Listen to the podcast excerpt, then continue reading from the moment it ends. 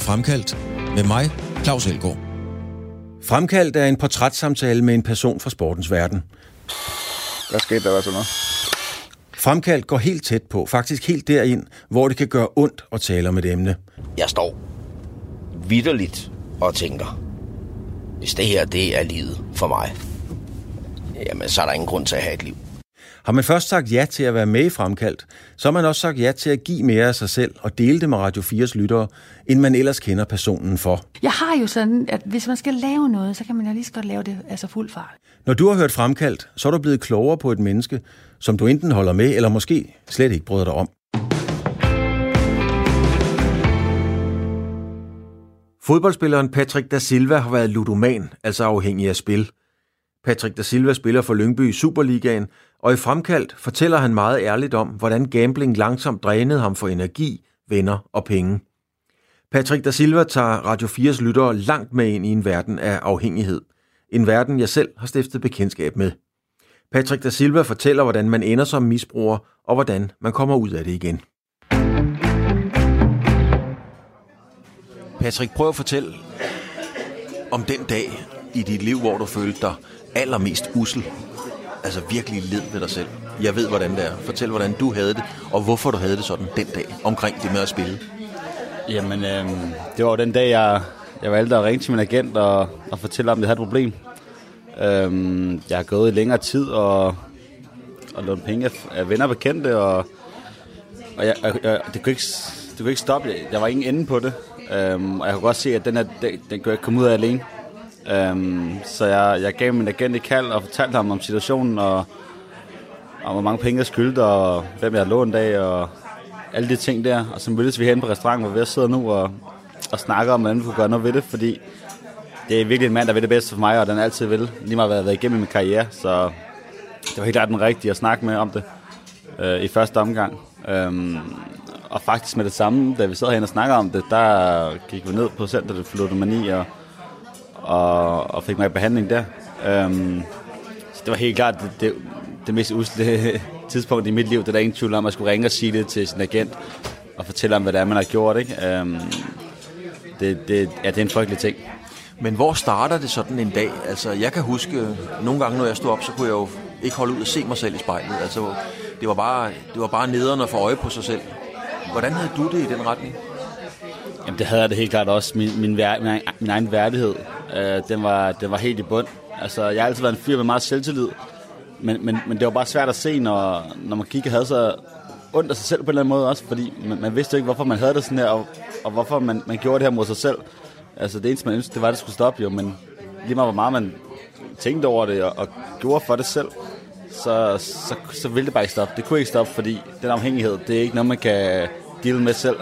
Det er noget, man skal have hjælp til. Altså, det, det er frygteligt at gå rundt og have det sådan. Og ja, det er jo ikke noget, jeg ønsker for nogen andre, men det, hvis man har det sådan, så er det i hvert fald noget, man skal, man skal klare med andre og ikke sig selv. Det er helt sikkert.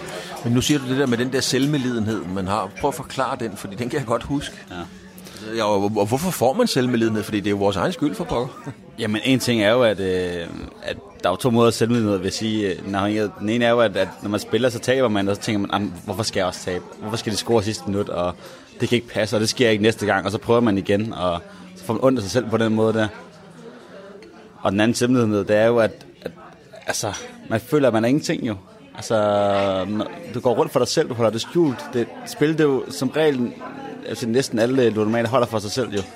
Og, og, og gemmer. Altså, og det, det er frygteligt at gå og have det sådan alene. Altså, og så går man og, og snakker til sig selv, og det gjorde jeg også. Altså, og siger, hvorfor er det, du lever sådan her, Patrick? Altså, og hvad er det, du, du går og laver? Altså, det skal jeg lige forstå rigtigt. Gik du simpelthen ind i din øh, stue eller et andet sted og talte højt med dig selv? Jamen, det, det, det gjorde jeg. Øhm, og det kan jeg også må gøre nogle gange. Nu er det så bare ikke om det mere, men jeg, jeg havde simpelthen så ondt af mig selv, at jeg skulle simpelthen stå og snakke til mig selv og forklare, altså, hvad fanden er det, du har gang i? Altså, og, og, det, og det er frygteligt at have sådan, altså, man går rundt, og ens tanker flyver rundt lige meget, hvad man laver. Altså, man kan ikke fokusere på nogle ting, øh, som træning og kamp. Øh, man kan godt prøve at skille, skille det ad, men, men, men, men det vil altid være i baghovedet på en. Det er der ingen tvivl om, og det, og det er frygteligt rundt at have det sådan. Hvordan havde din, øh, din selvopfattelse det? Nu tager vi et billede om lidt, øh, og så skal vi snakke om det, men du sidder her i en, øh, i en pæn stram hvid t-shirt, du er, du er en flot fyr, og du er meget charmerende, meget udadvendt, veltrænet, fedtprocent på 6-8 stykker. Ah, måske 9,5, ikke? men det er ikke ret meget mere. Du, er- du er en, og du, da Silva, det er brasiliansk, du er en macho-mand. Det er der ikke nogen tvivl om, og det ved du også godt selv. Og det er dejligt. Det er dejligt, når kvinder ved, de er flotte, og det er også dejligt, når mænd ved, ja. de er flotte. Du er en flot fyr. Men, men hvad gjorde det ved din selvtillid og din selvopfattelse i hele den periode? Jeg tror, jeg prøvede at skabe to identiteter. Altså, fordi når, når jeg skulle med drengene, skulle vi ud, eller skulle vi noget, så, så gemte jeg ligesom den triste Patrick væk. Altså, jeg viste ham aldrig, når jeg var sammen med andre. Det gjorde jeg aldrig. Fordi så, så ville jeg ikke fremstå. Så jeg, jeg, jeg gemte mig ligesom bag en facade, og så var jeg sindssygt, øh, jeg var altid glad, og selvtiden var altid top, og altså sådan nogle ting der. Så jeg var god til at skille det ad. Jeg viste aldrig, at jeg var trist, eller hvis jeg havde dårligt over, at økonomien ikke kørte, og, og det hele bare var noget lort. Altså, og det er også, jeg tror også, det var derfor, at min familie var så langt som ligesom at finde ud af, at der var et problem. Fordi jeg var så god til at skjule det. Øhm, og det er jo det, der er så frygteligt, at man kan manipulere med andre mennesker også, og, og gøre de ting der, og det bliver man bare god til, når man, når man er ludoman. Øhm, fordi når, for alt i verden, så skulle folk ikke finde ud af det, at man var det i hvert fald, og man spillede så meget. Bliver man god til at lyve? Helt vildt. Altså, det, er- det er ekstremt. Altså, med undskyldninger, man ikke har fundet på, og med ting, man ikke har ja, fundet på for at låne penge, for eksempel, og jeg ved ikke hvad. Altså, det, det er frygteligt, at man kan få sig selv til det, og det, der er så mange løg, man skal holde styr på, så man, til sidst, der, der kan man ikke holde styr på det mere. Men prøv at forklare det der med at skulle holde styr på alle løgnene. Altså, hvor- hvordan, øh, hvordan ind- indspiller det i dagligdagen? Jamen, det er jo klart, altså lever du, øh, siger du øh, 10 forskellige ting, 10 forskellige, forskellige personer, så er det svært lige at gå rundt og huske, hvad du har sagt til hver især, ikke? Og, og, og det er jo et kæmpe problem, altså. For det sidste bliver man fanget i sin egen løgn, og det gør man jo, når man har sådan mange løgne ud at flyve, altså. Og så bliver man fanget i det, så er det klart, så folk begynder at tænke, hvad, hvad, hvad, hvad, hvad er der med ham lige nu, og der var noget galt, og, og det var så også det, der, min, det var derfor min mor, altså hun havde det der moderinstinkt, så hun kunne godt mærke på mig, der var noget galt, men der gik bare lang tid før hun ligesom tog fat i mig og spurgte, hvad det var, og rent faktisk, øh, ja, altså nu sagde jeg jo til hende, kan man sige, ikke, øh, jeg havde problemer, og så sagde hun, at hun har godt vidst, der har været et eller andet, men hun har bare ikke vidst hvad. Hvad, hvad var det typisk, Patrick, at du, øh, du løj om? Altså, hvor var det, du var bange for at blive fanget? Altså, hvad, hvad, hvad var din angst? Jamen, åh, det er svært. Altså, til min familie, der var det jo... Der løj jeg primært for, for ikke at fremstå som en, en dårlig person. Altså, og jeg vil gerne være den, den Patrick, jeg altid har været i mine yngre dage. Altså, den øh, søde og rare og glade og altid smilende jo. Og den person vil jeg også stadig fremstå som. Øhm, så det er svært for mig at, at være trist for en andre og vise det svaghed. Altså, det var sindssygt dårligt til. Helt vildt. Og den der anerkendelse der, den, den havde jeg brug for. Øhm, og det har, den har jeg sindssygt meget brug for. Det var jeg også afhængig af på en eller anden måde. Ikke? Øh, at få for andre mennesker. Og det, og det vidste jeg godt, jeg ikke ville få, hvis jeg, hvis jeg fremstod som ja, en ludoman, og folk ville se ned på mig på en eller anden måde, kan man sige. Prøv at forklare, hvordan det er, det der med at leve på en løgn, i en løgn. Det hele er jo en, en stor løgn. Ja. Øh, prøv at forklare, hvordan det dræner dig for, for energi og, og overskud i det hele taget. Det er jo klart, når man går og har en masse tanker i hovedet konstant, altså 24 timer i døgnet, altså det er frygteligt. Man kan ligge og, som jeg, som jeg fortalte før vi startede her, at man, man kan spille på en uh, NBA-kamp, der slutter klokken 4 om natten. Jeg skal op og træne den efter. Jo, man falder i søvn der klokken 12, og det er fint. Men så vågner du altså automatisk, når kampen er ved at være slut. For ens hoved ved bare, at, at, man, at tankerne kører sig, når man sover. Og det, det er skræmmende. Så man, man sover ikke godt, og man, hverdagen er bare lort. Altså helt vildt. Og, og det går ud over de ting, man skal, man skal nå, og man skal i hverdagen. Altså, man får ikke taget opvask, man får ikke gjort rent, man får ikke uh, gjort diverse ting, helt basale ting i hverdagen. Og, og det er frygteligt. Altså, og man er ikke klar om morgenen til træning. Jo, man er der måske oven i hovedet på en eller anden måde, altså, fordi man er der fysisk, men tankerne er der stadig, og, og, det, og det påvirker en. Hvordan påvirkede det dig i forhold til, til dit fodboldspil? Jamen, jeg synes selv, jeg var god til at skille det ad. Og jeg synes stadig, jeg var fint til træning, og gjorde det godt i kampene. Det var ikke så meget det, men når jeg tænker over, hvor meget mere jeg kunne få, få ud af det, hvis, hvis jeg var blevet ekstra til træning, og ikke, og ikke prioriteret at spille frem for det. Øh, hvor hurtigt hjem og for odds, eller på casino, eller hvad det var. Og, og rent faktisk blev og gjorde det ekstra, og, og fokus, var fokuseret på det. Jamen, så havde jeg måske været et helt andet sted nu. Og, og det er jo det, der gør ondt at tænke på jo. Øhm, det, er jo det er jo en frygtelig tanke at have. Men det der med at, at skulle hurtigt afsted, altså isolerede du dig meget for dine øh, holdkammerater, fordi du skulle ud og spille, eller hjem og spille, altså på den måde gled du så ligesom ud af fællesskabet? Åh, det, det ved jeg ikke helt. Jo, på en måde gjorde jeg. Altså, fordi selvfølgelig gjorde jeg det, men, men, men jeg vil også stadig have, altså jeg gemmer mig stadig med en facade, så jeg vil også stadig gerne virke som en person, der var social og var med til arrangement og alt det der. Så selvfølgelig gjorde jeg det. Men øh, men det var ikke en af stemmen, det jeg måske gerne ville på det tidspunkt. Så der ville jeg bare gerne spille og være for mig selv, fordi jeg var jo ikke glad jo. En af stemme var jeg ikke glad. Øh, og det er jo frygteligt at være et arrangement, hvor du skal fremstå som glad, når, når man ikke er det. Og, men det blev man nødt til jo. Altså, for jeg vil ikke fremstå som en person, der, der ikke vil omgås andre, eller, eller være sammen med andre, ja. Hvordan er det at, at vide, at ens liv, sådan et billede, nu sagde du selv uh, basketball, NBA, øhm, hvordan er det at, vide, at ens humør og liv er styret af, om Houston Rockets eller nogle andre scorer 187 point, eller, eller vinder eller tager? Jamen, jeg, jeg ved det ikke. Jeg tror bare som sportsmand, der lever man af det der adrenalinkick. Øhm, og det har jeg altid gjort. Altså, og, det, og, og jeg tror bare, jeg fandt, øh, i spil der fandt jeg bare en måde at få adrenalinkick på hele tiden. Frem for, når man kun spillede kampe, ikke? Øh, på fodboldbanen. Og det adrenalinkick, det bliver man bare afhængig af. Altså, det er helt vildt. Altså, og, og dagen som normalt, det var jo, enten var det helt i top, eller så var det helt i bund. Det var aldrig enten eller jo. Altså, enten så vandt man, og så var det hele det. Øh, glade grøn skov, altså, som man siger. Ellers så var det hele helvede til. Altså, det, det er en meget op og ned verden, må man sige. Men Patrick, man vågner jo ikke op en tirsdag morgen og finder ud af, at man er blevet ludoman. Det er jo en, en, et lang, en lang proces og et langt skred. Hvor, hvor starter det for dig? Altså, og, og hvad, hvad, hvad er grunden til, hvad trigger det sådan, så at du ender som ludoman? Jamen, det, det er jo svært at sige. Altså, noget der gennem forløb, hvor nogen siger, at det kan være genetisk, og andre siger, at det er noget socialt, altså øh, omgangskreds, og, og jeg ved ikke, om der er en uh, forskningsbevis, altså, der beviser det ene eller andet, men jeg tror bare altid, det har været der. Altså, jeg har altid spillet, siden jeg var måske 15 år eller sådan noget. Og det startede jo helt småt, altså for lommepenge, altså 10 kroner, 20 kroner. Og så tror jeg bare, det hængte ved. Og jeg tror bare, når man har gjort det igennem så mange år, og så får flere penge mellem hænderne, så, så stopper det bare ikke. Altså, nogen kan godt styre det, og andre kan sige nej til det, men når man har genet, tror jeg, det tror jeg selv på i hvert fald, så, så, så er der ingen udvej. Altså, Men hvordan finansierede du det, da du var de der 15-16 år? Fordi der skal jo penge til at spille. Jamen, der fik jeg jo lommepenge en gang om ugen jo. Øh, som det var 200 kroner, eller hvad det var, for at tage opvasken og sådan nogle ting jo. Øh, og de penge blev brugt på det. Altså, og så fik jeg jo et job, der var 16 øh, i en bære. Det, det eneste sådan, rigtige job ud af fodbold, jeg har haft i tre måneder, hvor jeg så tjente mere. Det var 2500 om måneden. Og der, der kunne jeg godt selv se, at der fik, brugte jeg jo langt største del af pengene på, på spil og odds. Øhm, så den, nok, allerede dengang vidste jeg godt, måske inderst inden selv, at der var et lille problem. Men det kan man ikke anerkende som 16-årig. Det, det, det tror jeg ikke, der er nogen, der kan. Øhm, så det, det er sådan der, det, det startede, tror jeg. Og så eskalerede det selvfølgelig, da jeg fik en fuldtidskontrakt i Brøndby og, og tjente en masse penge jo. Altså, beløberne stiger bare, jo, jo mere du tjener. Altså, sådan er det bare. Det, det følger hinanden hånd i hånd. Og hvor er det så øh, på, på tidslinjen, at du finder ud af, det er galt det her, nu skal jeg altså gøre noget?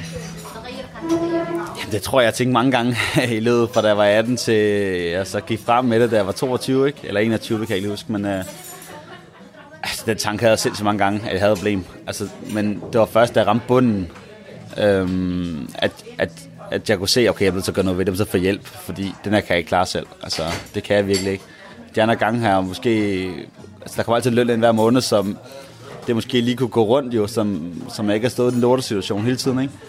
Øhm, men jeg nåede bare til et punkt, hvor det ikke kunne lade sig gøre. Altså, hvor jeg havde brug for hjælp.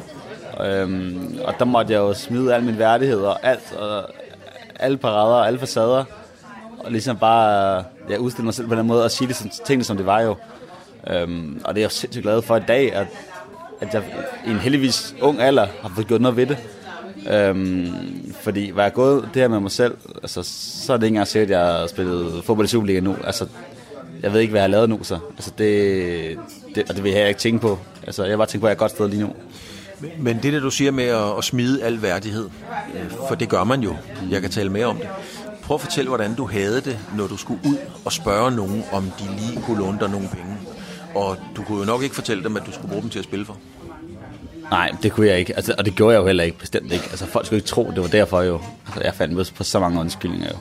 Altså, det var jo, jamen, så var det til ferie, eller så var det fordi, at der lige var en regning, eller eller en gøjl. Altså, sådan var det altid. I hvert fald til bekendte. Øhm, mine nærmeste venner vidste godt, at jeg spillede jo. Men de vidste måske ikke, hvor stort problemet var. Min bedste kammerat tror jeg, jeg gjorde, men han spillede selv, da, da vi var på samme alder, men han kunne bare godt styre det. Og det var lidt det der forskellen var, ikke? Og jeg tror også bare, når man er professionel fodboldspiller, og folk ved, at du tjener penge, og man har ligesom en status på en eller anden måde, så er de også mere villige til at låne dig penge, fordi de ved, at de nok skal få dem igen, fordi han tjener jo masser af penge. Øhm, så det var jo egentlig nemt at låne penge, og det var det, der er så frygteligt jo, at der var ikke nogen, der sagde, hov, øh, hvor, hvorfor skal han låne penge? Han tjener jo masser af selv, og, og sådan nogle ting. Øhm, folk var jo mere end villige til at gøre det jo. Øhm, og det udnyttede jeg jo på en eller anden måde jo. Altså, det var jo ja, det var en frygtelig ting, også fordi det er folk, man ikke kender personligt så godt jo. Jeg har lånt af, ikke? Øhm, så det, det, det, det er en meget skamfuld ting, og det er jo noget, jeg stadig skammer over på en eller anden måde, fordi altså, det er jo folk, man behandler totalt skidt altså, og udnytter. Er der nogen, eller der er jo selvfølgelig nogen, men hvem var det så, vil jeg hellere sige, som du var mest ked af at svigte? Fordi på en eller anden måde svigter man jo som familiemedlem, som kæreste, kammerat eller et eller andet. Altså var der nogen, hvor du tænkte, ah, lige der, det ville jeg gerne have undværet? Altså selvfølgelig ens familie. Øh, det, det er klart det vigtigste. Og min bedste kammerat, øh, som øh, jeg kendte igennem 15 år, som jeg lige, faktisk lige blevet gudfar til hans barn her i, i lørdags. Øh, det er jo klart, det var jeg sindssygt bange for at miste, hvis jeg gik frem med det. Øh, helt vildt, fordi jeg var, jeg var bange for, at, at de ikke gad, gad mig mere, hvis, hvis jeg gik frem med det her problem, og, og de ikke kunne magte det. Altså, jeg vidste godt, at min familie ville være der for mig, men, men jeg vidste ikke, hvordan de ville håndtere det jo. Og det var sindssygt svært. Altså det, jeg vil så sige, da jeg så går frem med det, og jeg kommer ud med det, der, der fik jeg en forløsning, fordi jeg fandt ud af, hvor meget folk egentlig respekterer det. Altså det var helt vildt. Og det var et stort problem, som mange har. Og jeg, der var så mange, der skrev til mig, at, øh, at de så udsendelsen, og de selv var, havde problemer. Altså jeg har så mange beskeder på min Facebook, hvor folk skrev. Og så fandt jeg ligesom ud af, okay, jeg står ikke alene med det her på nogen som helst måde. Der er så mange andre, der har det på samme måde som mig. Og så fandt jeg ud af, okay, der, det var rent faktisk en god ting, jeg gjorde her. Altså, det, det var ikke flot overhovedet. Øhm, og det var ønsket, jeg havde vidst noget før jo, for så havde jeg helt klart gjort det. Øhm, men når man går for sig selv med det, så, så ved man bare ikke de ting. Altså, det finder man først ud af, når man rent faktisk går frem med det, at, at folk synes, det er okay, og folk rent faktisk gerne vil hjælpe en. Du skal lige fortælle, øh, Patrick, bare den korte version af det. Hvor er det, du går frem med det, og hvorfor er det, du vælger at gå frem med det? Jamen, jeg går frem med det i, øh, jeg tror det er oktober 16, mener jeg. Jeg snakker med Anthony om det, min agent. Og, øhm, og det gør jeg jo, fordi jeg har ramt bunden, og, og jeg kan komme ud af det. Øhm, det vil så også sige, at jeg har lige reddet mit korsbånd to måneder forinden, og det gjorde nok, at det eskalerede fuldstændig. Fordi der kunne det hele være lige meget. Altså, fodbolden var lort, og det er ligesom det, jeg, det, det, jeg, ligesom, det, jeg lænede mig op af, kan man sige. Ligesom det, der holdt mig i gang. Og da det så var væk, i den periode der, der, der kunne det ikke være lige meget. Altså. Men, men du går også ud og, og bliver sådan, ikke talsmand eller ambassadør, men, men i, i, i forbindelse med Center for Ludomani mm. og så videre, der vælger du på en eller anden måde at være offentlig og gå ligesom ind i det på en eller anden måde. Hvorfor gør du det? Jamen, det var ikke en beslutning, jeg, jeg selv, jeg inde med at selv at tage den, men, men i starten, der fik jeg at vide, jeg snakkede med en agent, og han sagde, jamen jeg kender TV3 her, de vil rigtig gerne lave et program om det, og sætte fokus på det. Og jeg synes, du skal gøre det for ligesom at komme ud med historien, så folk ved det, fordi han prøvede at forklare mig, at der er ikke noget pinligt over det og sådan noget der, men da jeg fik det første gang, der sagde, at det kan jeg simpelthen ikke. Altså, altså fremstille mig selv sådan der, det nej, aldrig nogensinde i livet. Øhm, men så tænkte jeg over det en tid, og så sagde jeg, ved du hvad, hvis det er det, der skal til, og min far og min mor var også inde over det, og de bakker også op omkring det.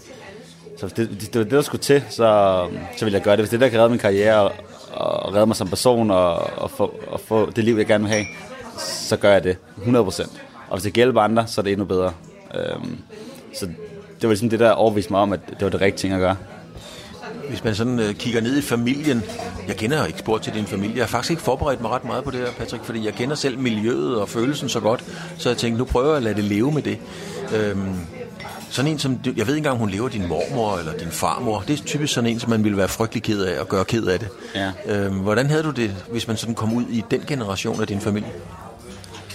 Jamen, øhm, det, det, det ved jeg ikke helt. Altså, jeg tror, øh, bedsteforældre... Jeg tror, jeg, jeg tror, jeg har en tanke om, at de altid vil støtte en. Altså, når man er ens børnebørn og sådan noget. Øhm, og som vi snakkede om før, altså min, min mor var selv en, hun er ældre dame, og hun elsker selv at spille. Det er sådan nogle helt andre ting. Det er jo banko og skrablad og sådan noget. Øhm, og min mor har en idé om, at det, det er et gen, der kommer derfra på en eller anden måde, ikke? Øh, uden at det er rigtigt eller forkert. Øhm, men måske er der noget om det. Altså, måske er det noget med social arv og genetik og omgangskreds selvfølgelig, ikke? Øh, men, men det ved jeg ikke helt. Altså, jeg kan da huske, da jeg var 10 år gammel, der fik jeg 100 kroner i hånden af min mamma, og skulle, skulle mig og min bror ned og købe skrablader for hende, ikke? Altså, så fik vi også lov til at hjælpe med at skrabe den, kan jeg huske. Øhm, jeg ved ikke, om sådan noget har indflydelse. Øhm, Altså for mit eget vedkommende, jeg, når jeg var på ferie hos øh, farmor og farfar, så lige så snart Damhus vi stod i kø ude foran Damhus og når de så åbnede, så var vi inde og spille på den indarmede, jeg har været en 6-7-8 år, ikke? Altså, så, så, så historien med skrabeloderne og Damhus er sådan set lidt det samme. Ja. Men er det vigtigt for dig? Kan du bruge det til noget? Er det nemmere at forstå, hvis det er arveligt, end hvis det er dig selv? Er det ligesom en redningsplanke at sige, det er også fordi, det er arveligt? Det kan jeg egentlig ikke selv gøre for. det, det ved jeg ikke, om det er, men jeg tror, der er ikke nogen tvivl om, at, at, at det er en sygdom på en, på en måde, og jeg tror også, det er det, at nu var jeg på et behandlingshjem i tre uger i Jylland, øhm, efter Center for Lumani, hvor, hvor de ligesom snakker om, at, at folk skulle forstå, at det var en sygdom, det her. Det er ikke, det er ikke noget, du kan gøre noget ved selv. Altså, er du, er du først ludoman, så er det ikke noget, du kommer ud af alene. Altså, du har brug for øh, psykologisk hjælp og, og snakke om tingene og komme ud med det. Og så selvfølgelig skal man vælge det selv. Det er den, det er den, det er den første regel. Og det allerførste trin, der faktisk er på sådan et center, det er, at man skal anerkende, at man har et problem. Og det skal man virkelig. Øhm, Ja, det altså, vi kender jo scenen, Patrick, fra amerikanske film, mm, hvor de rejser sig op og siger, hey, I'm Bob, I'm an alcoholic, og, ja, Ja, og så klapper alle de andre. Og det er jo den der erkendelse, og det må mm. du også gøre. 100 procent. Jeg måtte jo erkende, at jeg skulle lave en opgave omkring, at jeg skulle anerkende, at jeg havde et problem. Og det var, og det var skidesvært. Altså, der var nogle af de opgaver der, også følelsesmæssige opgaver, hvor man skulle forklare, hvad, altså, hvordan man hvordan man følte øh, ting omkring sin familie og alt sådan noget der. Og alt sammen var et led i, i de problemer, man har haft fra helt ung og frem. Øhm, jeg har haft en ideel barndom. Altså, der har aldrig været nogen problemer. Og så min mor siger, jeg tror aldrig, hun har set mig sur. Altså, og, og det har jeg heller ikke selv. Fordi jeg, jeg, jeg kan ikke, altså, jeg, jeg, jeg er sådan en type, der, der lader ting ligge. Øhm, så det var sindssygt spændende og sjovt at sidde og, og, og, og få sådan nogle følelser frem med en, som man ikke har haft før.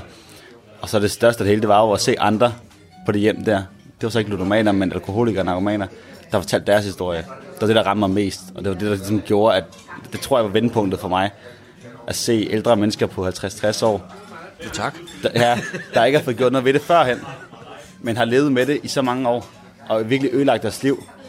Og der, der tror jeg, det gik op for mig, at at det skal jeg ikke... øh, Hvad, hvad, hvad var det, det gjorde? Var der en speciel historie, en speciel oplevelse, hvor du tænkte, af for helvede, det skal jeg væk fra det her? Ja, men helt klart. Altså, jeg, jeg har været der en uges tid der, hvor der, der kommer en mand ind på hospitalet, øhm, hvor der har prøvet at tage livet af sig selv med en brødkniv, og var 3 mm fra at ramme hjertet. Og han, øh, han græd jo hver gang, han skulle snakke den første uges tid der. Og folk sad helt stille, altså med tårer øjnene nærmest jo, fordi det var så ulykkeligt jo. Og lige inden jeg tager hjem derfra faktisk, der, der får han besøg af sin øh, datter og, og sin søn, som han ikke har set i øh, to og fire år, tror jeg det er.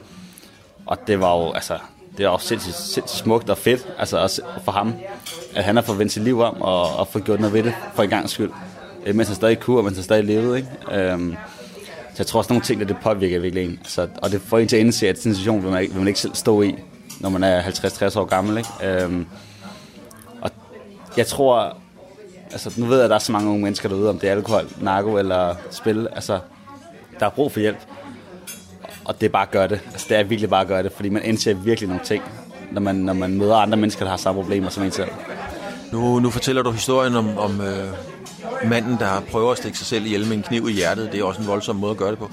Øh, jeg interviewede en gang, og det må jeg gerne fortælle, for jeg har offentliggjort interviewet, kan man sige, Henrik Andersen. Henrik Andersen var dansk mester i boksning, kom fra Give, og når man er dansk mester i boksning, så er man en hård dreng. Han stjal 200 kroner fra sin øh, fireårige datter Sparkris. gik ned og spillede, vandt ikke. Øh, og i skam, så gik han ud og hængte sig rent faktisk i øh, garagen, men blev så heldigvis øh, fundet. Hvor, har du haft sådan nogle tanker? Altså har du været så langt ud også? Det, det har jeg dog ikke. Øhm, jeg tror også, jeg tror mit, mit, mit problem, øhm, jeg tror ikke det er lige så stort som måske så mange andres. Jeg har ikke været ude i kriminelle omgangskredse og låne penge, og min familie har altid været der for mig. Jeg har altid haft nogen, der støttede mig, og jeg tror, det er en sindssygt vigtig faktor i det her. Jeg tror, mange af dem, der, der, der når derud, det er, hvor familien er gået fra dem, eller svigtet dem, eller ikke er der for dem mere, eller, eller de er et sted i livet, hvor, hvor det hele kan være fuldstændig lige meget. Øhm, jeg havde stadig, trods alt stadig fodbold og familie og så videre, og det tror jeg er en, en vigtig faktor, og, og det var det, der holdt mig i gang, vil jeg sige. Og det var det, der gjorde, at, jeg aldrig, har aldrig haft de tanker. Øh, det har jeg ikke. Men, men det var alligevel nok til, at, som du selv sagde før, hvis ikke jeg havde spillet, hvor havde jeg så siddet i dag? Øh, havde du spillet i en stor klub, eller hvis ikke du havde gjort noget ved det, hvor du så været, og så videre. Så, så du har alligevel haft nogle, øh, nogle tanker omkring det. Når du tænker tilbage på det, Patrick, altså, øh, har du, kan du så forstå, hvad der skete? Kan du forstå, at du kom så langt ud? For det er man jo, når man går i behandling flere gange, kan man sige. Jamen, jamen, det kan jeg godt, når jeg, når, jeg, når jeg er blevet oplyst så meget omkring tingene. Så før der vidste jeg det jo ikke. Jeg vidste ikke, hvorfor, det, hvorfor, hvorfor mig.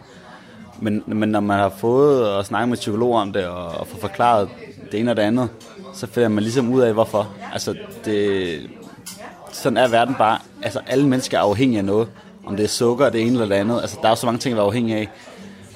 Jeg tror bare, at jeg er måske lidt mere uheldig, at jeg er afhængig af ludomani, og nogle af alkohol, og nogle af stoffer, ikke? De er lidt mere hårde ting, frem for sukker, eller hvad det nu kan være, øh, anerkendelse, eller... Men det der med at være afhængig, Patrick, prøv at fortælle, øh, mens jeg gør kameraet klar her, prøv at fortælle en almindelig dag, hvor den er slem, altså hvor du skal have spillet, ligesom en alkoholiker skal have sin alkohol, eller en narkoman skal have sit fix. Hvordan forløb sådan en dag, en grim dag? Den værste dag, det er lønningsdag. det, det var der vist ingen tvivl om. Altså, der kunne jeg nærmest ikke sove om natten jo. Altså, jeg var jo nærmest oppe, da pengene til igen klokken 4 om natten. Altså, det, det var tæt på, ikke?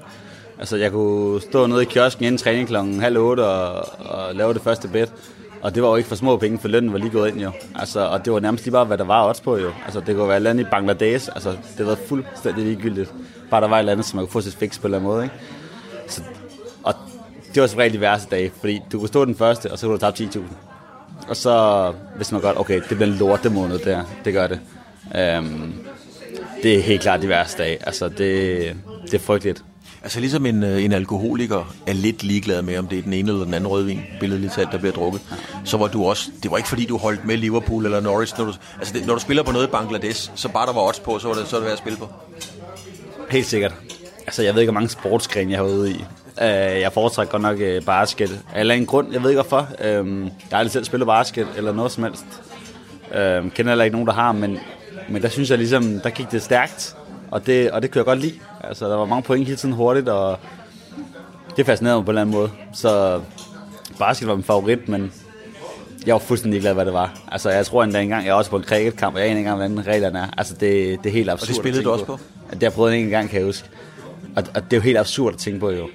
Altså, det er jo samme med casino, jo. Altså, det er jo bare rød eller sort, det er jo bare at lukke øjnene og så ligge. Altså, og det er jo skræmmende, at, at, at, sådan, at sådan en ting kan, kan tænde en på en eller anden måde, at det kan få adrenalin op, fordi der er jo ikke engang, du skal ikke engang tænke, du skal bare smide penge og så håbe. Altså, og, det, og det er jo ikke engang noget sjovt i. Men det er bare adrenalinkick, det må man gøre alt for, og det er den hurtigste måde at få det på, det er sådan noget. For ikke så lang tid siden var jeg faktisk ude på en øh, efterskole, øh, fordi der var nogle børn i, ja det er jo børn i 9. Jeg kan ikke huske, om det var 9. eller 10. klasse, det er for så vidt også ligegyldigt. Men øh, lærerne og nogle forældre havde opdaget, at de var begyndt at spille på russiske anden divisionskampe i ishockey. Og nu er der altså ikke ret mange drenge i Danmark, der har nogle favorithold i den russiske anden division i ishockey, men de spillede på det alligevel. Og det er jo et farsignal, fordi så er det jo ikke, fordi man synes, det er nogen, man holder med. Var det, det var der, du var også? Det var jeg helt sikkert. Jeg er også, også på russisk animation i ishockey. Under 5,5 altid. jeg ved ikke hvorfor. Det, jeg, jeg tror bare, at når man først er i det, så, så bliver det fuldstændig ligegyldigt, hvad du er på. Fordi du kan følge med i det på telefonen, og det er nok. Altså, det er interessant nok så. Så jeg sidder og ser, om vinder de, taber de. Og der får du adrenalinkikket. Øhm, så det var fuldstændig ligegyldigt. Jeg ved ikke, om det var noget andet i, i, i gamle dage, hvor der ikke var mobiltelefoner, hvor man ikke kunne sidde og følge med live, øh, og ligesom skulle se det i tv'et og så videre. Men det, det var fuldstændig ligegyldigt, hvad det var. Så længe man kunne følge med i det, og, og det var interessant. Så jeg tager lige et, øh, jeg sidder og tager et billede her, Patrick, mens, øh, mens vi snakker, og lad os, øh, lad os lige prøve at kigge på det, øh, lad os prøve at kigge på det om lidt. Ja. Øh, når du kigger tilbage på hvad for nogle, hvor, hvor er det vigtigste, at du ved, du er blevet et bedre menneske?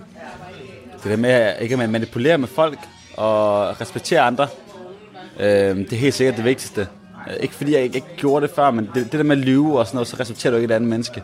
Hvis du ikke er ærlig over for dem. Det synes jeg ikke. Og, og det der med at, at, at gemme sig bag en facade og manipulere, det, det er noget af det værste, man kan gøre, synes jeg. Øhm, fordi jeg gjorde det også med piger, for eksempel. Der var jeg sindssygt god til at manipulere med dem, jo. Øhm, fordi jeg havde været så god til det angående spil, og over for min familie og venner og sådan noget. Og så lever man bare på en løgn. Altså, det gør man. Og, og det er jo heller ikke fair over for de personer, man gør det over for, på nogen måde. Men det kunne jeg bare ikke indse på det tidspunkt, fordi mit afhængighed var så stor, at, at jeg ikke selv kunne indse det. Øhm, Nu sagde du noget om, øh, om værdighed og det, man har lært. Øh, jeg har en... Øh, det kan seeren ikke se, men nu kan jeg trække lidt ned. Jeg har en tatovering sådan her indenunder. Jeg, jeg kan dårligt, vi sidder på en restaurant med mange mennesker, så jeg skal nok være med smidt trøjen. Jeg har faktisk en tatovering, som jeg fik lavet herovre i Tiger Tattoo. Øh, efter at, øh, at jeg var færdig med mit og havde været i behandling. Og det, det, er, det er en ørn, og så står der Go in Beauty. Altså at tage afsted med værdighed. Det er Navajo-indianerne. Øh, og jeg har sgu ikke levet mit liv værdigt, men ligesom du har lært noget, så lærte jeg også, at man kan jo godt sætte pris på begrebet værdighed, selvom man måske ikke altid selv har været det. Har du været, synes du, du har levet et værdigt liv, mens det var, mens det var slemt? Det ved jeg ikke, om jeg har. Altså, jeg, jeg, åh, jeg synes lidt, at jeg, jeg, jeg, jeg smed de gaver væk, jeg havde i den periode. Altså, jeg gik bestemt ikke rundt med værdighed på nogen som helst måde. Altså, jeg har fået en, en, en gave fra Gud om, at jeg, jeg er god til fodbold, og jeg er glad og ret menneske. Altså, jeg synes ikke, jeg har nogen dårlige sider på den måde. Men, men der kom bare en masse dårlige sider på grund af den afhængighed. Og min værdighed røg bare helt i bunden øh, på grund af det, fordi det var ikke det Patrick, jeg, jeg selv kender. Men det var den Patrick, jeg blev til, fordi jeg var afhængig af, af spil og, og var ludoman jo. Og jeg, jeg, jeg synes, det er svært ligesom at, at, at forklare, om jeg var, følte mig selv værdig i den periode, for det gjorde jeg bestemt ikke på nogen måde. Men jeg synes heller ikke, at jeg var et dårligt menneske i den, på den måde. Jeg synes stadig, at jeg var et godt menneske, men spillet det var bare det, der gjorde, at jeg fremstod som en anden, end jeg var. Og, og det var frygteligt jo. Lad os lige kigge på billedet, fordi det er jo det menneske, du er i dag. Det er taget for tre minutter siden cirka. Prøv at fortælle, hvem det er, du ser på billedet. Ja, udover at jeg ser lidt træt ud, så... jeg skal sige, det, ry- det yder dig ikke helt retfærdighed, hvad det angør, fordi når du sidder her, er du fuldstændig klar i øjnene og i mailet. Du ser pivfrisk ud, det skal så lige siges. Ja, det håber jeg også, ja. Vi har en kamp om tre timer jo, så... Ej, øhm, men altså, forhold til dengang, der er det jo... For det første, så, så er jeg et glad ret menneske nu. Altså, jeg giver mig ikke bag nogen facade mere. Øh, og jeg er en person, der kan, der kan sige ting som det er, og bare være mig selv i hverdagen. Og det synes jeg er sindssygt vigtigt. Jeg kan så gå og bruge kræfter på at, at være en anden person. Øhm, for det dræner en for energi. Og jeg synes bare, det er fedt at, at kunne sidde her nu og snakke åbent om det her. Og være ærlig omkring det, uden at skulle skamme sig. Øh, Men hvad, hvad, er det for en, hvad er det for en mand? Fordi du er jo en mand. Hvad er det for en mand, du sidder, du ser, der sidder der? Altså, øhm, er, du, er du stolt af det billede? Jamen det er jeg. Jeg er stolt af den person, jeg er blevet, 100%. Øhm, jeg er stolt af, at jeg har fået styr på så mange ting i mit liv, øhm, som jeg burde have haft styr på for mange år siden. Men som bare har taget længere tid, på grund af den proces, jeg har været igennem. Øhm, så jeg ser en, en, en glad og en flot fyr på det billede der, og jeg, min selvtillid, den er, den er kommet i top igen, og min værdighed, den er også på vej derop af. Der er stadig nogle ting, jeg, jeg selvfølgelig kæmper med, og, og, og det, det tager lang tid, det her. Altså, det, tager, det er ikke bare et behandlingsforløb, og så er alt godt. Øhm, der er ting, der hænger ved, og som man stadig skal kæmpe med, og tillid til familie, og tillid til venner, og som, som man skal genopbygge. Altså, jeg kunne det, det skal du lige forklare, det der med at skulle genopbygge. Jamen, det er jo klart, når man, når man har lovet for sin nærmeste i så mange år, lad os sige 8 år, så, så tager det bare lang tid at få den, den tillid tilbage. Altså, jeg kan huske, da jeg var på handelscenter, der, der fik jeg at vide, at, at havde du lovet for en person i 8 år, så tog det cirka 8 år at få den tillid tilbage. Øhm, og, det, og det er der ingen tvivl om. Altså, jeg kan da godt se nogle gange, så, så tytter de også lidt, så er, er du sikker på det, og, og sådan vil det bare være. Altså indtil en eller anden dag, hvor tilliden er 100% tilbage. Og, og det har jeg det okay med. Altså, er det en præmis, du, du accepterer og, og har forståelse for, at, at goodwill det er noget, man gør sig fortjent til, det er ikke noget, man får? 100 procent. 100 procent. Og det er også derfor, når man er gennem sådan et forløb, så, så er der tilbudt også forløb til forældre. Mm. Øh, så de kan forstå, at, at, at den tillid, den kommer altså ikke lige med det samme. Det, det tager tid, det er en proces. Og det er også derfor, sådan et behandlingsløb, det får, altså, nu er jeg jo ikke i behandling nu, men det fortsætter jo langt ud i fremtiden jo. Og en eller anden dag, så er tilliden der, fordi så har man, så har man bevist sit værd igen, og så er man den person, så det er 100% sikker på, at man ikke laver det nummer igen på en eller anden måde, ikke? Og det er jo klart, altså, det, det, det er sindssygt svært, som jeg tror forældre og nærmeste venner, at, at, at hvis der er en, der har lavet for meget over for mig i, i så lang tid, så vil jeg selv have det på samme måde, 100%. Men hvordan er den fornemmelse, Patrick, af at øh, du ved godt, at mange af dem, du taler med, nogle af dem, du taler med, de tror måske ikke helt på dig stadigvæk. Hvordan er det? Jamen, det er frygteligt nogle gange jo. Altså, nu kan du se nu, efter pandemien, jeg har altid så har for hjælp med min økonomi jo, sådan, så jeg kunne få styr på det, og hvad jeg skulle gøre, og hvordan der var ledes, også for at man ikke får tilbagefald og sådan noget. Det har jeg ikke haft længe nu, så det, det er jo sindssygt fedt jo. Så der, det, er jo, det er jo noget, der virker. Øhm, men jeg ved også godt, altså med familie og, og nærmeste venner, så, så tager det bare tid. Altså det, det er svært lige at sætte ord på, vil jeg sige. Men hvis jeg nu spørger dig sådan, øh, og det er ikke fordi, jeg på nogen måde vil hverken antyde eller, eller insinuere, at du ikke er ude af dit spil, men, men, men det er jo, sådan- jeg kender jo selv den der, det, jeg, jeg havde det sådan nogle gange lidt magtesløst, når jeg kunne se på folk, at de troede ikke rigtigt på mig. Jeg synes, det var vildt frustrerende, fordi jeg var egentlig på en eller anden måde så stolt over, og ville så gerne fortælle, at jeg fandme var videre, og jeg kunne bare se i folks øjne, at de troede sgu ikke rigtigt på mig. Hvordan prøver du, eller hvordan kan du overbevise dine omgivelser om, at du er videre? Jamen, det er, det er jo at, at forestille, som jeg har gjort nu. Altså, magtløshed, det er en frygtelig ting, og den har jeg haft sindssygt meget af selv. Altså, det, det er frygteligt.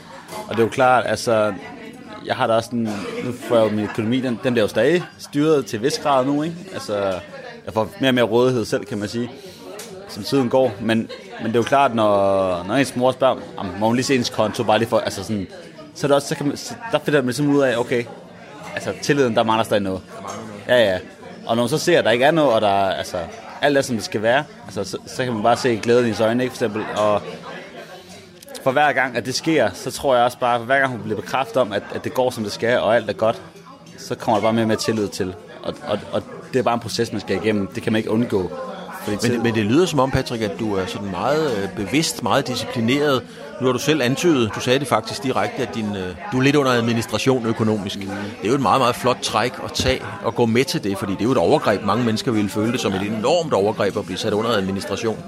Det, der, det kræver dig meget. Hvordan har du det med det? Jamen, jeg har det faktisk okay med det. Øhm, til tider er det måske lidt irriterende. Altså, det er det helt klart. Altså, fordi det er jo klart, når man, når man har været igennem det, jeg har været igennem, og brugt penge på så mange ligegyldige ting, jo, så er det jo måske lidt irriterende, at der er en, der står og siger, ah, har du, har du nu brug for det, og sådan noget, selvom det er altså, en rejse, eller hvad man gerne vil på, og ah, er det ikke mange penge at? Altså, det bliver sådan lidt, øh, som man er 15 år, og ens mor styrer ens økonomi. Det kan det godt blive nogle gange. Men altså, når jeg ser tilbage på det, og så har det ikke været noget dårligt, bestemt ikke. Altså, det, det har lært mig en masse ting, og så må spare op, og og sådan nogle ting, og ikke bruge penge på ligegyldige ting, som jeg ikke har brug for. Fordi som fodboldspiller, der vil du også gerne fremstå ordentligt. Altså, du vil da gerne have de nye ting, og det ene og det andet. Men det, og have en anerkendelse, men det er der bare ikke behov for. Og det havde jeg svært ved at indse også, det der med anerkendelsen. For det var, det var jeg sindssygt afhængig af også, at få fra andre mennesker. Men det skal jeg bare have af mig selv, og det, og det har jeg ikke behov for at skulle få andre mennesker mere på samme måde. Jeg kan stadig godt mærke det nogle gange, at jeg har brug for det, men jeg tror måske også, det er en normal ting at have lidt. Øhm, men det der med at kunne anerkende sig selv, det, det tror jeg helt klart er det vigtigste. 100%. Hvad gør du sådan aktivt? Jeg kan fortælle dig, at øh, det, er nogle, det er mange år siden. Jeg var, jeg var jo ude og færdig med min behandling, jeg tror det var i 2005, så det er jo 15 år siden. Ikke? Mm. Men øh, et, et andet sted på vejen derudaf, fordi jeg skulle jo også genopbygge selvtilliden og tilliden fra andre og ting og sager. Så røg vi forbi, øh, hvad hedder det, Casino Copenhagen, og vi var derude en helt anden anledning og spise noget japansk mad, og, og så går vi forbi indgangen til casinoet, og så får jeg tanken, så, så siger jeg, jeg går lige hen og spørger, om jeg stadigvæk er spærret. Jeg vidste jo godt, jeg var spærret, fordi jeg har spærret mig selv. Øh, og så trykkede damen der nogen, nogen ind, og så sagde hun, ja Claus, du kan ikke komme ind, fordi sådan og sådan og sådan. Og det vidste jeg jo godt, men jeg vil bare gerne sende et signal om, at jeg løj altså ikke for dig, da jeg sagde, at jeg var spærret. Øh, Ja, ja. Gør du også sådan nogle ting? Åh, oh, det, det ved jeg ikke helt. Altså, jeg er også udelukket for alle spillehjemmesider og alt sådan noget der, fordi den fristelse skal jo ikke være der. Um, man kan sige, jeg, altså, hvis jeg har lyst, så kan jeg bare gå ned i en butik og odds. Altså, ja, ja. så den fristelse vil altid være der. Hver gang jeg går forbi en kiosk, så kunne jeg bare gå ind og spille. Præcis. Men, men den fristelse har jeg bare ikke mere. Det har jeg, det har jeg ikke på samme måde mere. Jeg tror, øhm, øhm, dopamin, det var det, de snakker om, at øh, dopamin, det er jo noget, øh, det der afhængighedsting ting oven i hovedet, hvor når du gør det nok gange, så bliver du afhængig af det. Ja. Og, og det, som de siger, hvis du, hvis du ikke gør det lang tid nok, så forsvinder den dopamin også, og så, og så har du ikke behov for det mere. Og det, det tror jeg, det er der, jeg er nu. Altså, har jeg 200 kroner på kontoen, så vil jeg ikke bruge dem på at spille. Så vil jeg bruge dem på så meget andet. Jeg kan finde tusind andre ting, jeg vil bruge dem på. Men er du holdt helt op med at spille, eller, eller smider du en 50'er, når der er landskamp på, at øh, Bentner, ja, han spiller så ikke lige nu, vel, men en eller anden scorer det første mål, og så er det mere hyggen, end det er det at skulle vinde. Nej, det gør jeg ikke. Det kan, det kan jeg ikke få mig selv til. Altså, jeg laver, jeg laver stadig vedmål med kammerater, altså helt små ting. Og vi har en partnersklub i, i klubben, hvor vi spiller og taber den sidste, i sidste ende i måneden, så har ramt faktisk godt med. Sådan nogle ting gør jeg stadig. Altså, det, det, det er ikke noget, jeg forbinder med gamble. Øhm, men jeg ved, altså jeg ved ikke om penge for eksempel. Så bliver det sådan noget middag eller sodavand, eller hvad fanden det kan være. Ikke? Øhm, men sådan noget gør jeg ikke mere. Fordi jeg har prøvet, hvor jeg har haft tilbagefald en gang, hvor jeg bare, okay, jeg kan godt spille for 100 kroner. Det sker der ikke noget ved. Og så kunne jeg bare mærke, så kom kick igen. Altså, så, så, så kan jeg brug for mere af det. Og, og det værste er jo næsten, hvis du vinder. Fordi så har du fået nogle penge, du ikke havde, og så har du bare brug for at gøre det igen. Altså det, så gør jeg det en gang, så er jeg så bange for, at jeg bliver fanget i det en gang til. Altså det, det er det værste, der kunne ske. Prøv at forklare det. Jeg kan virke... Jeg, jeg er jo, ja det ved de fleste, men jeg er vokset op i et hjem med voldsomt meget alkohol. Og nogle gange, når min far kom hjem, så inden han øh, havde stillet øh, tasken og taget jakken af, så var han inde og tage et eller andet sprut ind i skabet. Altså stadigvæk med tasken i hånden, kan man sige. Ikke? Fordi der var den der trang til, at man bare skulle have det. Prøv at forklare lytterne, hvordan det er. Fordi jeg, jeg er sikker på, at du mange gange er gået forbi eller hen mod en kiosk, og så har du haft lyst til at gå ind, og så har du, så har du tænkt, nej, lad nu være, Patrick, nu går du fandme forbi. Det, du går simpelthen bare forbi. Og ved du hvad, alligevel så gik du ind. Prøv at forklare den situation, hvordan det er, man har det i kroppen, når man har muligheden for at gå ind og spille. Ja, men det er jo, det er jo en frygtelig ting. Altså, det svarer jo nærmest til at stille en slikskål foran et lille barn, og så sige, du må ikke tage noget. Altså, det kommer heller ikke til at ske jo, hvis du går ud af rummet, fordi det er bare den der følelse i kroppen om, man ikke kan lade være. Altså, man bliver nærmest trukket ind foran den oddsmaskine for at lave en kupon. Altså, det, det er skræmmende. Altså, det er helt vildt. Og jeg, også efter jeg er stoppet og ikke har spillet mere, altså når jeg går ind på tankstationen for at ja, købe en snus eller chokolade eller hvad det kan være, så, så kigger man da også på maskinen. Men jeg, jeg, jeg har også fundet ud af, at, at det, det sker færre og færre gange. Altså, jeg, trængen er der bare ikke på samme måde mere. Og det, og det er sindssygt rar følelse, ikke at gå rundt med oven i hovedet. Det... Men kunne du, kunne du stå og blive sur på dig selv, mens du lavede en kupon og sige, Patrick, man, din spade, mand, var du, altså, blive aggressiv, ked af dig selv, mens du stod og lavede oddskuponen? Ja, helt sikkert. Det er jeg blevet ma- masser af gange. Jeg har jo stået, hvor jeg måske har tabt det første 5.000, og så tænkt, altså, hvorfor gør jeg det her? Hvorfor gør du det? Men så er det bare, altså, man, man kan ikke lade være. Det, er så svært at forklare. Altså, jeg, jeg tror, hvis man ikke har været afhængig af noget, så, om det er cigaretter eller hvad der er. Jeg tror ikke, hvis man ikke har været afhængig af noget, så kan man ikke forstå det. Altså, det er så svært at forstå. Jeg har også læst mange, der har skrevet, om hvorfor stopper man ikke bare med at spille? Hvorfor lærer man ikke bare være? Øh, altså, hvis det betyder så meget for om fodbold eller det ene eller det andet. Altså, hvis man selv har været i det, så forstår man, at det kan man bare ikke. Altså, det er så umuligt. Hvordan er det at, at blive konfronteret med det, når venner, bekendte, familie siger, kan du ikke bare lade være? Patrick, hold nu op med det der. Hvad, hvad føler man så, når man får smidt den i hovedet? Jeg har mine venner, nærmest venner og familie har ikke sagt det til mig. Øhm, det er ligesom, jeg godt være klar over, at min mor har gået sindssygt meget ind i det jo. Fordi hun kunne ikke forstå, hvorfor jeg, jeg gjorde det. Hun kunne ikke forstå det, og så fandt hun så ud af, at, at, at det er nærmest er en sygdom jo, og man ikke kan lade være. Øhm, men det er jo mere, når, når bekendte gør det, og, og folk, man ikke kender, skriver det på opslag øh, omkring ludomani, øh, så, så, så, så kan det godt irritere mig lidt på en eller anden måde, fordi de ikke er vidne om det, hvad det handler om, og de ikke selv har været i noget lignende. Øhm, jeg er ikke en type, der begynder at skrive og svare tilbage og sådan noget, det, det, det gider jeg ikke, men, øh, men det kan godt irritere mig, at, at, der ikke, at der ikke har været nok fokus på det, så folk ved, at, at det her det er altså et problem, som ikke selv kan gøre noget ved. Altså, det er ikke bare lige at komme ud af.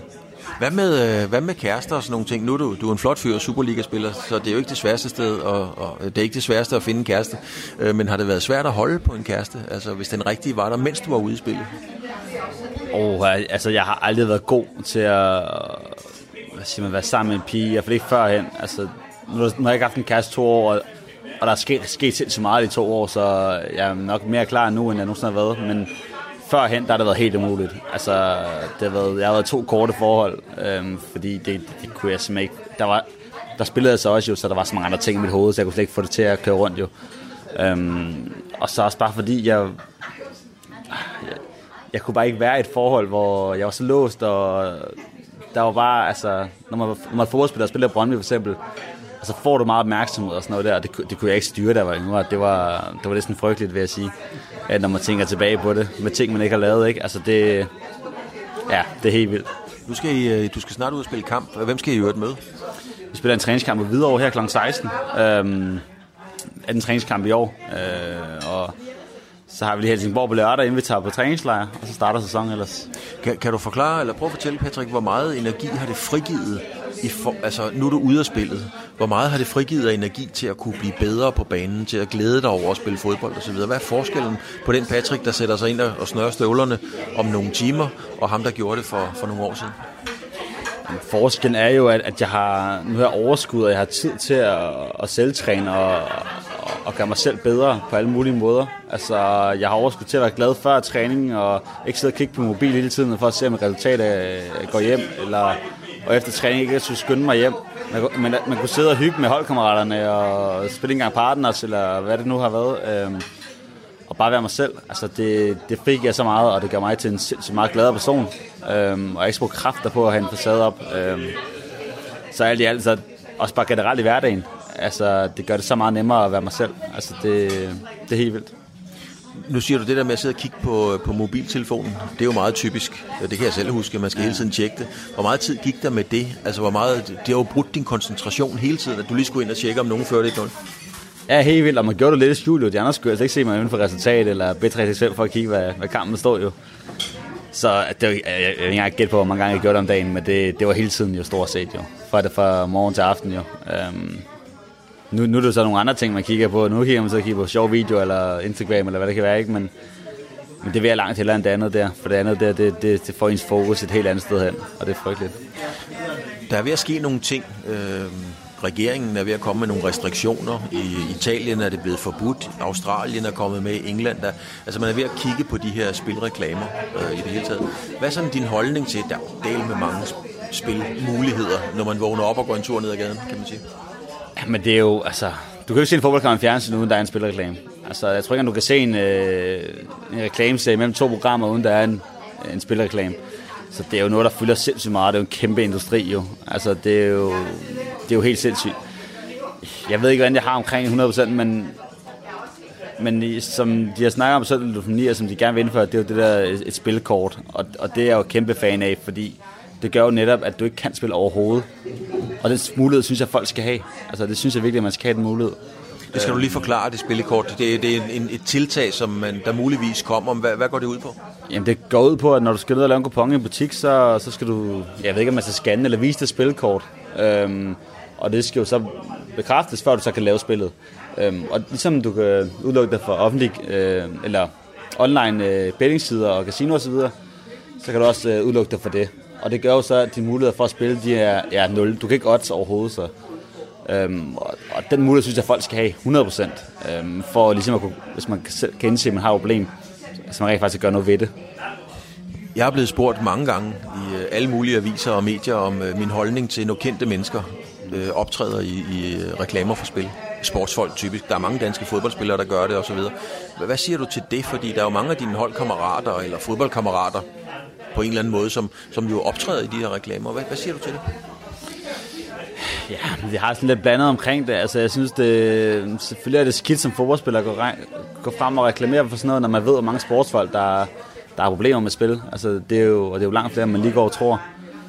Øhm, ja, samtidig så er det også, altså, det er jo, det er jo en måde for dem at tjene penge på. Altså, det er jo forretning for dem, så jeg synes mere, at det er det der med, at, at, at det er lovligt at vise reklamerne i tv'et, der måske er lidt det frygtelige, øh, og reklamere for det på gaden og alle, alle, alle mulige andre steder.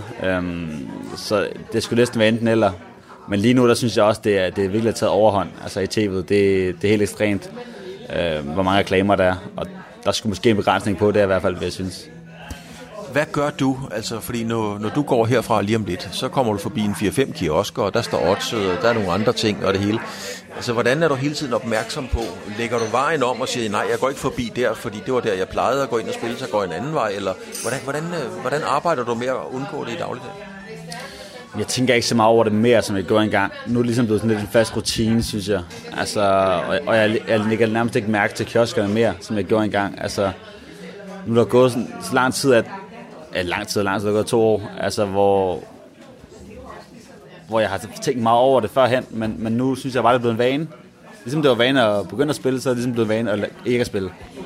Da, da vi, undskyld, da vi skulle lave, da jeg skulle lave, da vi aftalte, at vi skulle lave det her interview, Patrick, så, øhm, så, så det her med at lyve, det tænkte jeg jo meget på, og jeg tænkte, Gud om Patrick, han, øh, fordi du er dygtig til at lyve, og jeg var dygtig til at lyve, da, da, da jeg var ude i det. Gud om han øh, kører rundt med mig. Gud om han narmer. Mm. Øhm, jeg har sgu en indtryk af, at du rent faktisk er ude af det. Ja. Og jeg ved jo ikke spor om det. Vi er, det er første gang, vi mødes nogensinde. Ja, ja. Men der er et eller andet, der siger mig, jeg tror på dig. Øh, kan du bruge det til noget som helst? Jamen det, det, det håber jeg, det, det kan jeg da 100%. Altså jeg, jeg er da glad for, at jeg virker jeg er godtroende, og, og, og jeg virker overbevisende, fordi så, det er jo, inden, inden, inden så er det sådan, jeg har det jo. Altså, og jeg, jeg vil aldrig sidde her og, og tage den her snak med dig, hvis det ikke var rigtigt. Altså det... Oha. Spil det for en til at, at, at gemme sig og isolere sig selv. Så havde det været situationen, så havde, jeg, så havde jeg nok slet ikke svaret på din besked højst sandsynligt, fordi det skulle på ingen måde ud. Altså, det er, den, det er den følelse, man har, når man er i det. Så jeg er bare så glad, og, at jeg kan stå frem og bare snakke om det, og ikke have nogen skam omkring det, og, og, og ikke nogen skyldfølelse på den måde nu, altså, som jeg havde engang, så det synes jeg selv så fedt.